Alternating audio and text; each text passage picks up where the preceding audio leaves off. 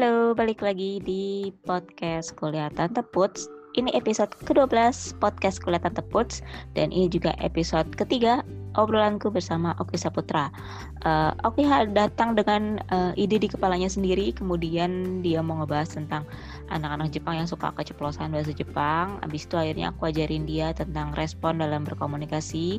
Kemudian kita juga banyak membahas tentang perbedaan budaya Indonesia Jepang yang ternyata Oki itu lebih Jepang daripada aku ya yang punya background di Jepangan. Nah, ini segmen terakhir hmm, ini sebenarnya juga idenya dia harusnya udah kelar tapi dia bilang tanggung nih ada yang mau gue omongin gitu Katanya dia punya cerita menarik terkait anak-anak di Jepangan. Cerita apakah itu? Mari kita dengarkan.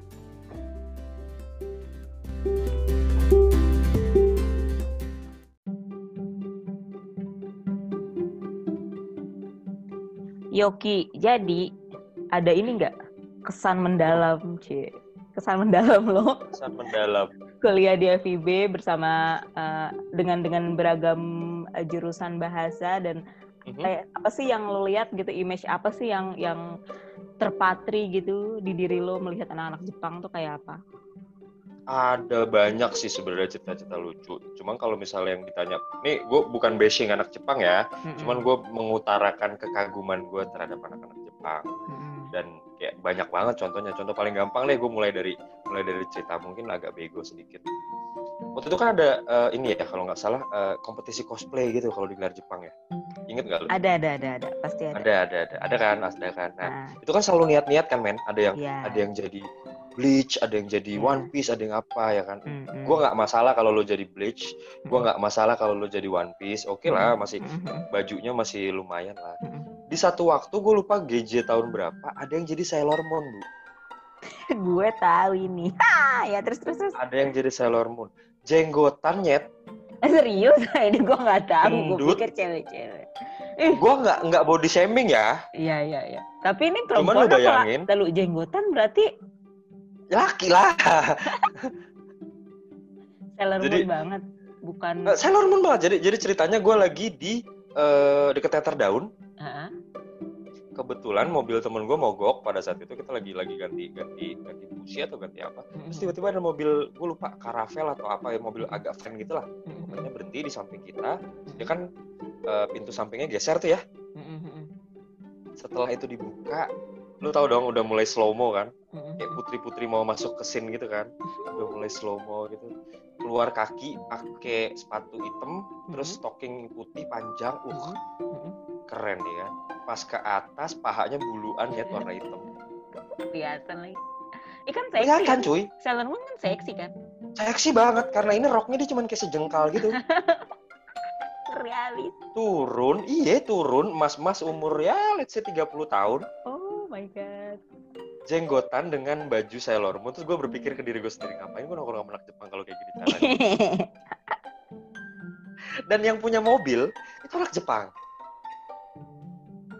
dia sendiri pun bertanya diri dia, dia sendiri pun bertanya ke dirinya sendiri ini model apaan lagi nih? Lah kok bisa sih? Bukannya harusnya itu peserta lomba ya biasanya? Itu orang luar itu orang luar. Hmm. yang Sailor Moon tadi orang luar. Iyalah anak-anak itu maksudnya kalau kalau gelar Jepang gitu pasti jadi panitia, panitia kan? iya, pasti jadi, jadi. panitia Nah, ketika udah kayak gitu, uh, uh, pikiran gue ya udahlah orang cuman cosplay apa segala. Mm-hmm. Terus kita pikir dia cuman cosplay tidak menjiwai kan, mm-hmm. karena ya udahlah, mm-hmm. cuman apa namanya uh, kostum apa segala. Enggak dong bu, sampai ngomong-ngomongnya tuh usagi. Oh my god, usagi. Lu lu eh, bayangin bawa usagi? Bawa Luna nggak? Betul. Enggak, enggak kucingnya nggak bawa, kucingnya nggak bawa. Dia cuma bawa itu tuh apa tuh yang kayak uh, tongkat ibu peri itu tongkat ibu peri itu dibawa. Nah. Tapi ya ya tadi lo bayangin kekagetan kami ketika kami lagi sibuk ganti ganti busi apa segala. Lo ngeliat Usagi versi siapa misalnya? Uh, versi Ruben Onsu lah. Jenggotan. Dan itu depan muka cuy. Ih, gue kok nggak tahu ya. Harusnya gue nah, ada nih, harusnya gue panitia nih. Harusnya lo ada, harusnya lo ada. Dan dia juara tiga loh. Oh ya? Dia juara tiga loh. Karena ya, dia nggak sendiri. Oh oke okay, oke okay. berarti yang yang Dia apa satu sih? geng. Uh, uh, uh, yang grup tahu. Gitu. ada lomba yang grup-grupan gitu. Hmm. Dia satu geng sampai apa tuh? Siapa anaknya Usagi yang anak kecil? Aduh siapa lupa? Ada itulah. Itu pun ada. Oh, cosplay kabaret namanya. Ya nah, ya itu mungkin betul betul betul betul. Nah, kabaret tuh dia kayak uh, sosokan nanti di panggung berantem. Nyanyi-nyanyi apa ya, segala. Iya, ya, gitu-gitu. Iya, iya. Iya.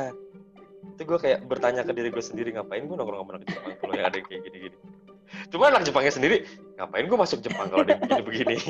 eh tapi tapi apa namanya tuh biasa ya uh, di angkatan gue tuh uh, hmm gue sempat nanya ke beberapa teman gue apalagi teman kayak teman main gue emang ada sih yang emang hmm. udah suka Jepang gitu tapi eh, nggak uh, nggak yang begitu-gitu gitu yang teman-teman gue tuh banyak yang emang ngambil oh. Jepang tuh karena uh, kepepet gitu. Kayak ya udah ya oh. ya kebetulan su suka sih gitu tapi bukan itu tujuan pertama gitu ada yang kayak gitu. Yang nggak level ekstrim gitu ya? Iya iya jadi yang santai-santai aja dan kami pun kayak uh ngelihat yang gitu-gitu dulu ya kalau misalkan ngurusin anak cosplay kayak aduh repot nih karena emang apa mereka kan bawaannya juga repot dan mm sebenarnya kan emang mereka tuh berat banget capek banget buat jadi mm -mm. cosplayer kan gitu cuman emang benar, benar, benar. apa memuaskan mereka juga kan untuk menjadi cosplayer gitu jadi Betul. kita yang tadinya sebel kayak ini banyak mau nih tapi dipikir ya juga ya udah panas gitu kan pakai iya. wig gitu Bela-belain kan. ya Mm-mm. Jadi kayak oh ya, ya udah. Akhirnya dinilai dari niat ya. Iya lihat lihat positifnya aja gitu emang. Iya lihat positifnya aja. Ya emang tapi jadi rame kan kalau jadi ada cosplayer gitu. Tapi Cuma anak Jepangnya sendiri juga iya kok. Yang sekarang banyak tau, maksudnya makin ke sini ya banyak hmm. yang. Eh gue ada senior sih cosplayer juga, tapi dia keren. Adik kakak tuh keren banget. Niat. Dan emang emang bagus banget nanti cakep juga. Hmm. Jadi bagus gitu bagus banget gitu kalau kalau yang ada sih ya ayah mungkin cosplay hemat gitu apa sih ada kui ada lombanya tahu serius cosplay hemat jadi gini enggak jadi gini sebenarnya uh, apa namanya di di Indonesia tuh emang ada uh, World Cosplay Summit gitu untuk Indonesia. Jadi okay, kayak oke. Okay. Kebetulan kantor gue suka ikutan gitu kan. Jadi dia kayak hmm. pemilihan gitu. Nanti dari situ dia uh, yang menang tuh dibawa ke Jepang gitu dan okay. di fotonya tuh di diupload di Facebook gitu. Itu suka uh. jadi bercandaan kita emang ada yang versi hematnya gitu, ada yang emang Oke, okay, oke. Okay hemat-hemat pakai sarung lah gitu yang kayak gitu. Uh, uh, uh, kayak kayak gitu tuh ada. Cuman lucunya ya Ki, ini bukan lucu sih hmm. hebatnya ya. Hebatnya tuh hmm. emang yang si Indonesia tiap tahun tuh kepilih pemenang ada aja yang menang gitu ya? Summit. Uh, dan menang ya, di Jepang gitu. niat ya.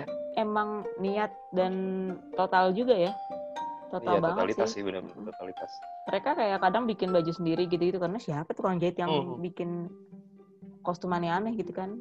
Nggak mungkin lah pasti uh, bikin sendiri niat. ya lagi juga Nah betul, gue baru pengen ngomong costly pastinya. Iya, mahal, mahal, mahal. Jadi akhirnya gue, hmm. oke, okay, ya maksudnya akhirnya jadi ngelihat mereka ya fine fine aja gitu nggak yang kalau hmm. kalau yang cuma kayak eh, sih gitu Terus, akhirnya ngeliatnya kayak wah gila niat banget dan emang akhirnya di awal hmm. di awal mikir kayak apaan sih tapi pas ke sini sini ketika udah tahu niatannya oh iya niat juga ya, ya tak kenal kata sayang ya kan jadi kayak oke okay, oh, oke okay. iya, ya nggak iya. sayang juga sih maksudnya jadi kayak paham aja maksudnya gitu Gitu. Tapi di, di angkatan lo waktu itu ada yang loki loki suka pakai perintilan-perintilan yang menunjukkan dia anak Jepang nggak? Soalnya kalau dari Udah. dari pengalaman gue paling gampang untuk nyiriin anak Jepang. Iya iya iya. Entah gantungan paling kunci gampang. gitu kan? Mm -hmm. Atau bajunya potongannya asimetris. Iya iya iya. Ya. Atau ada, pakai ada. apa tuh misalnya uh, ini dompet kulit terus gantungannya eh rantainya segede-gede alaihim misalnya. Oh itu gaya Jepang ya? Maksudnya gaya... Itu Jepang banget bukan? Oh, nggak tahu gue cuma. Yang apa sih?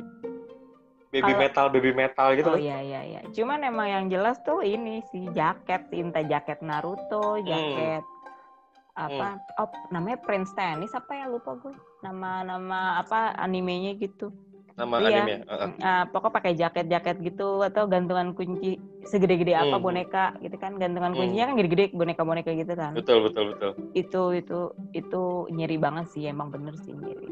Berarti atau kalau lagi main futsal atau kalau lagi main futsal tulisan bajunya namanya Subasa. Masa? Ada cuy. Iya ada cuy. Ada banget itu itu uh, uh, apa namanya salah satu kiper terbaik di FIB pernah pakai bajunya Nankatsu, terus gue kayak yang belakangnya kayak gue kenal nih baju pas belakang lah iya. Gitu. lucu. Ya sih emang maksudnya kayak tapi gue pikir emang apa ya uh, keciri banget gitu kalau kalau anak-anak gampang lah diciriinnya sih anak-anak hmm, Jepang dan emang segmented juga ya. Hmm. bahkan mereka sebelum buka mulut kita udah tahu anak Jepang. Tapi ki hati-hati rancu sama anak ini Fasilkom ki kenapa emang oh karena, iya karena Fasilkom tuh apa ya waktu itu bercandaannya Fasilkom tuh sastra Jepang kedua atau uh, kalau gini katanya gini banyak hmm. yang ngomong kalau nggak lulus fasilkom masuknya sastra Jepang itu oh, ada gitu. yang kayak kayak gitu dan emang kalau nggak salah fasilkom tuh juga punya klub Jepang Jepangannya gitu loh Oke, berarti Fasilkom tuh Jepangan kultural. Iya iya. Kalau kalau kalau FIB kan Jepangan struktural. Iya iya benar benar benar. Ya gitu ya, gitu ya, ya kurang ya. lebih ya. Tapi mereka drill wibu, kalau yang di FIB memang lu dipaksa untuk belajar itu. Iya, uh, kami uh, kan waktu itu pokoknya yang lulus dari S1 tuh diharapkan menjadi seorang peneliti gitu kan, selalu digitu-gituin kan. Berat. Sadis. Itu sih. Tapi teman-teman gue juga banyak sih anak-anak ITB gitu. Ya gitu mereka mereka suka Jepang-Jepangan. Eh di kantor gue ada anak ITB coba. Jepang-Jepangan?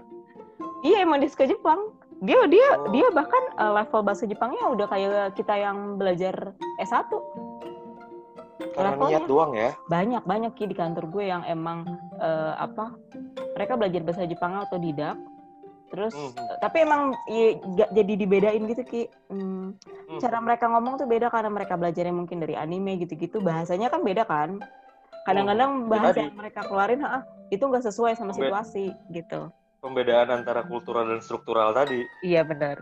Itu kadang kita kalau kalau anak yang belajar bahasa Jepang di kampus gitu suka, hmm. aduh jangan ngomong itu, itu tuh kasar atau itu tuh gak sopan hmm. gitu. Tapi mereka kan nggak tahu kan.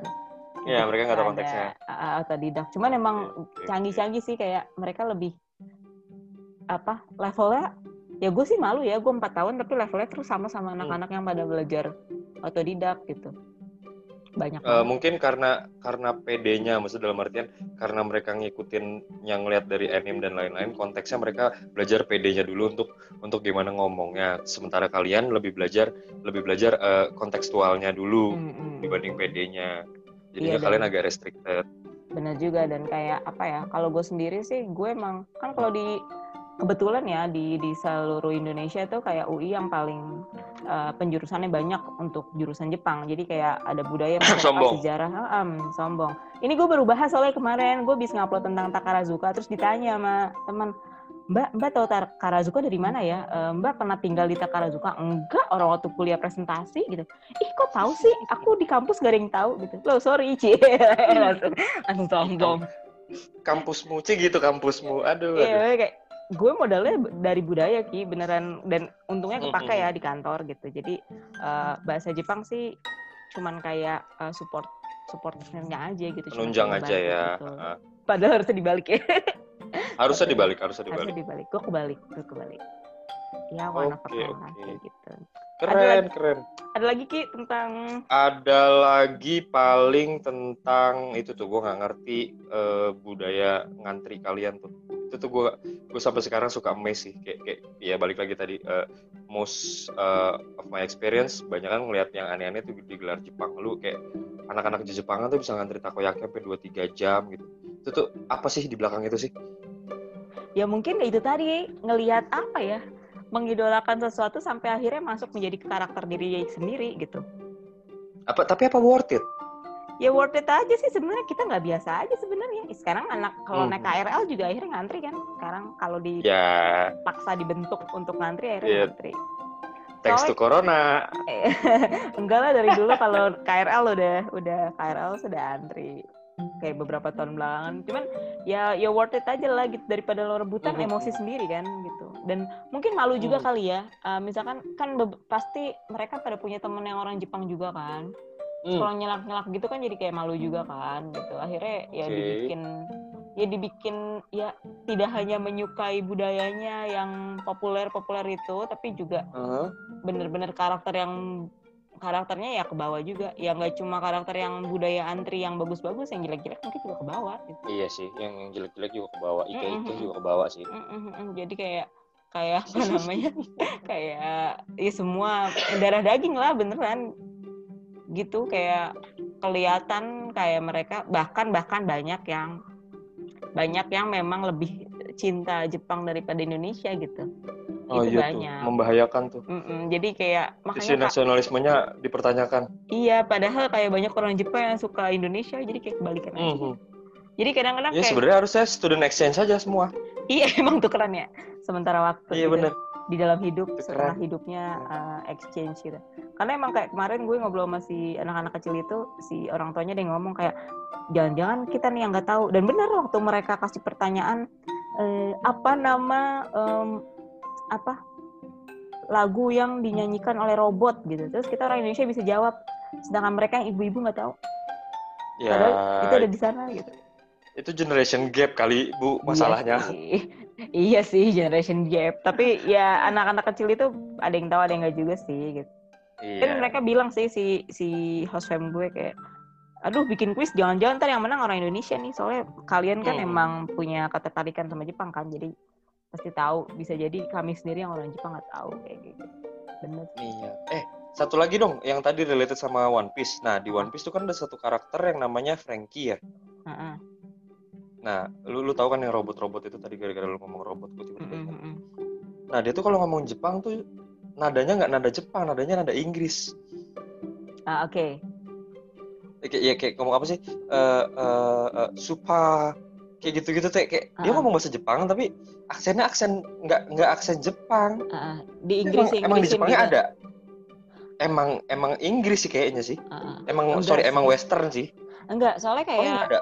enggak lah kayak sebenarnya ya kalau lihat dari namanya aja Frankie gitu enggak ada enggak Hmm. ada orang Jepang namanya Frankie harusnya Nama kecuali di blasteran gitu jadi kayak Enggak, emang enggak, mungkin maksudnya eh, in terms of budayanya sendiri ada nggak sih orang-orang yang memang orang Jepang sendiri yang kayak ngomong kalau orang Jepang sendiri kan ngomong paling shubarashi tapi kalau Heeh. misalnya versi Inggrisnya mungkin Boshi. shubarashi enggak enggak ada iya gitu gitu itu, gitu itu itu malah yang gue lihat ada tuh di Instagram ya orang orang Hmm. asing belajar bahasa Jepang terus dia ngomongnya Hmm. sok-sok sok-sok di barat-baratin tuh ada tapi kalau orang Jepangnya sendiri lo tau gak sih Ki orang orang Jepang tuh belajar bahasa Inggris pakai katakana ya Allah jadi banyak yang eh, emang bahasa Inggrisnya katakana gitu itu susah banget. Gue Oh. pernah wawancara pakai bahasa Inggris sama orang Jepang kalau belum biasa tuh nggak bia- nggak bakal bisa.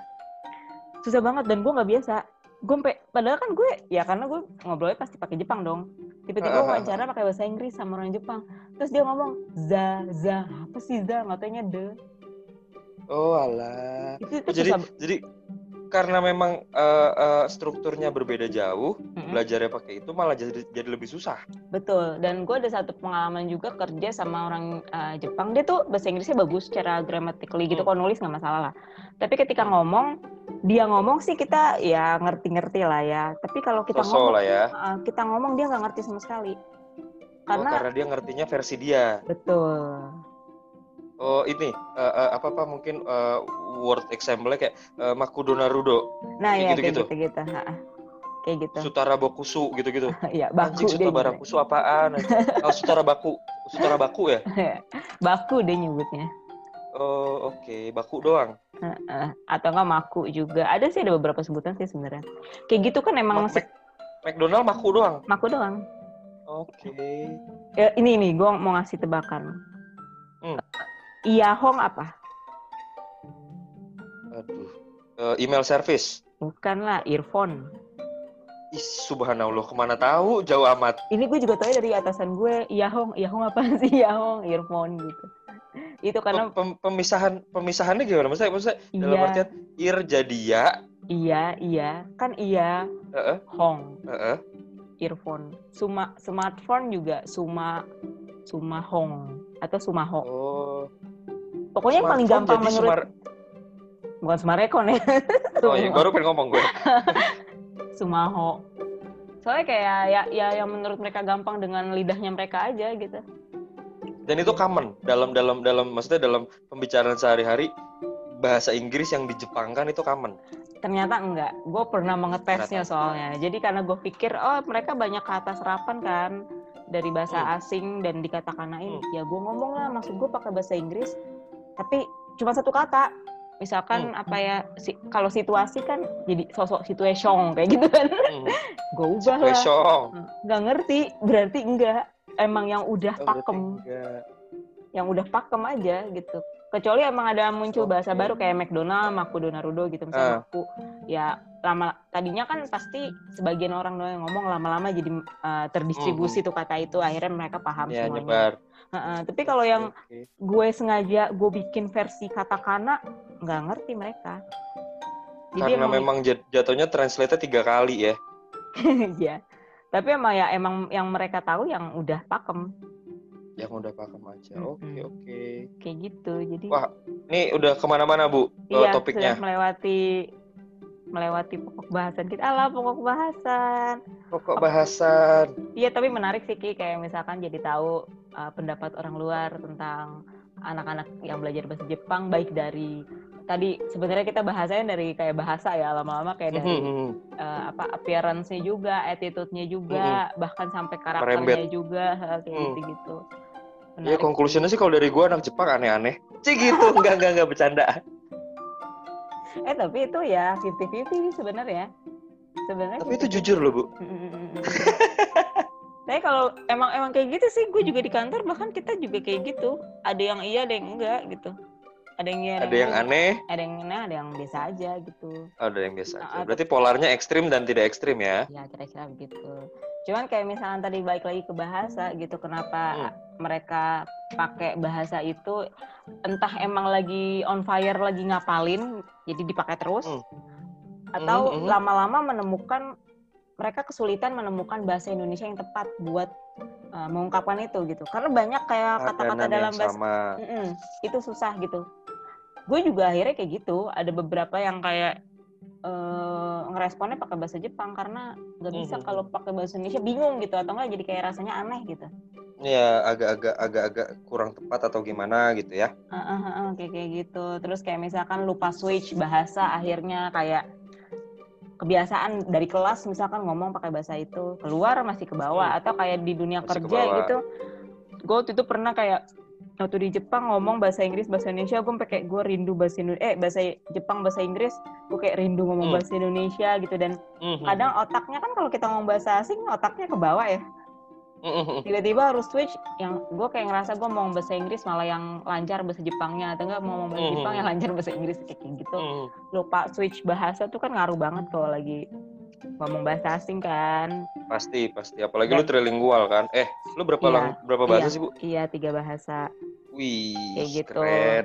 terus satu lagi ya itu penggunaan bahasa Jepang di kehidupan sehari-hari masuknya lebih ke buat ngomong-ngomong kasar supaya orang lain gak ngerti kesimpulannya ke situ sih. Iya kesimpulannya lebih ke situ sih. Kayak emang ya tadi udah kebiasa sama nggak ada padanan kata dalam bahasa Indonesia. Terus kayak uh, lupa switch sama ya itu Hmm. ngomong bahasa memaki-maki tapi kalau pakai bahasa Indonesia atau bahasa yang gampang di ngertiin orang nggak enak gitu. Jadi ya udah pakai itu. Yang nggak orang. Gitu kira-kira kesimpulannya. Mbak Put ngajarin kalau mau maki-maki orang atau mau julitin orang pakai bahasa Jepang. Iya yang orang lain nggak ngerti ya habis gimana nggak mungkin kan nggak nggak maki-maki ah mungkin aja sih emang tergantung Mungkin aja mungkin. mungkin mungkin Mungkin. jangan dicontoh yang ini kuliah ya itu makanya kan kasih kuliah kalau ini tuh nggak bagus jadi jangan diikuti Betul, ini ini contoh buruk ya. Iya, iya, Jangan iya. dicontoh. jangan Nggak, nggak semua contoh itu selalu baik kok. ini memang harus ada trial error kan harus ada yang error error Benar, juga supaya benar. menjadi baik Benar, asal jangan apa? error aja terus-terusan. nah itu maksudnya kan nggak gitu Bahaya. Sip Betul, deh. betul, betul. kak Oki terima Siap. kasih Terima kasih, Kak Puts. Eh. juga Nanti kalau ada lanjut kita mau ngobrol-ngobrol apa lagi dibahas lagi. siap dikasih tahu aja mau bahas apa jadi sok-sok bisa gitu Siap. ntar aku cari tahu terima kasih Kak Oki Siap, siap. atas waktunya Siap. iya nanti Sampai jumpa. sampai jumpa bye bye Bye.